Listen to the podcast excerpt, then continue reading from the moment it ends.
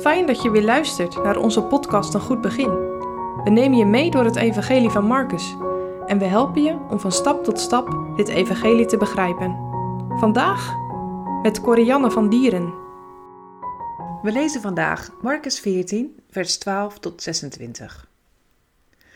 En zo waar hij ingaat, zegt tot de heer des huizes: De meester zegt: Waar is de eetzaal, daar ik het paascha met mijn discipelen eten zal? En hij zal u wijzen een grote opperzaal, toegerust en gereed. Bereid het ons al daar. En zijn discipelen gingen uit en kwamen in de stad en vonden het, gelijk hij hun gezegd had, en bereidden het paascha. En als het avond geworden was, kwam hij met de twaalfen. En als zij aanzaten en aten, zeide Jezus: Voorwaar, ik zeg u, dat een van u, die met mij eet, mij zal verraden. En zij begonnen bedroefd te worden. En de een naar de ander tot hem te zeggen: Ben ik het? En een ander: Ben ik het? Maar hij antwoordde en zeide tot hen: Het is één uit de twaalfen die met mij in de schotel indoopt. De zoon des mensen gaat wel heen, gelijk van hem geschreven is, maar weet die mens door welke de zoon des mensen verraden wordt. Het ware hem goed zo die mens niet geboren waren geweest. En als zij aten, nam Jezus brood.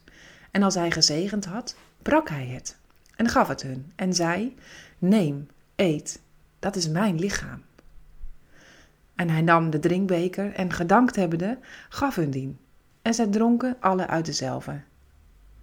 En hij zei tot hen: Dat is mijn bloed, het bloed van het Nieuwe Testament, het welk voor velen vergoten wordt. Voorwaar, ik zeg u, dat ik niet meer zal drinken van de vrucht des wijnstoks, tot op die dag, wanneer ik dezelfde nieuw zal drinken in het koninkrijk Gods. En als ze de lofzang gezongen hadden, gingen ze uit naar de olijfberg. Samen eten met vrienden. Wat kan dat gezellig zijn? Samen koken, genieten van vriendschap, een lekkere maaltijd. Wat mis je dat misschien nu juist? Samen eten met vrienden is speciaal. Maar geen enkele maaltijd is zo speciaal als het avondmaal dat de Heer Jezus heeft ingesteld. Zijn vrienden zijn slechte, zondige mensen. En toch mogen ze met Hem eten. Wat een wonder! De laatste maaltijd die de Heer Jezus met zijn vrienden at, was tijdens het Pascha. De maaltijd is een belangrijk onderdeel van het Pascha. En de Heer Jezus heeft zijn discipelen erop uitgestuurd om alles klaar te maken: lam, brood, wijn, bittere kruiden. Jezus heeft er naar uitgekeken om voor de laatste keer het Pascha te vieren met zijn discipelen. Hij weet dat dit de laatste keer is voordat hij gaat lijden en sterven. En tijdens de maaltijd praat Jezus daar ook over met zijn discipelen. Ze horen zijn woorden: Dit brood is mijn lichaam. Mijn lichaam zal ook verbroken worden. Ik zal sterven voor de zonde die jullie hebben gedaan. En net als de wijn zal mijn bloed vergoten worden. Ik zal mijn bloed storten om jullie voor eeuwig te bevrijden. Achter mijn bloed zullen jullie veilig zijn. De Israëlieten in Egypte verfden hun deurposten rood met het bloed van een lam. Ze waren veilig achter het bloed. Ben jij eigenlijk veilig? Ook jij hebt verberging nodig achter het bloed.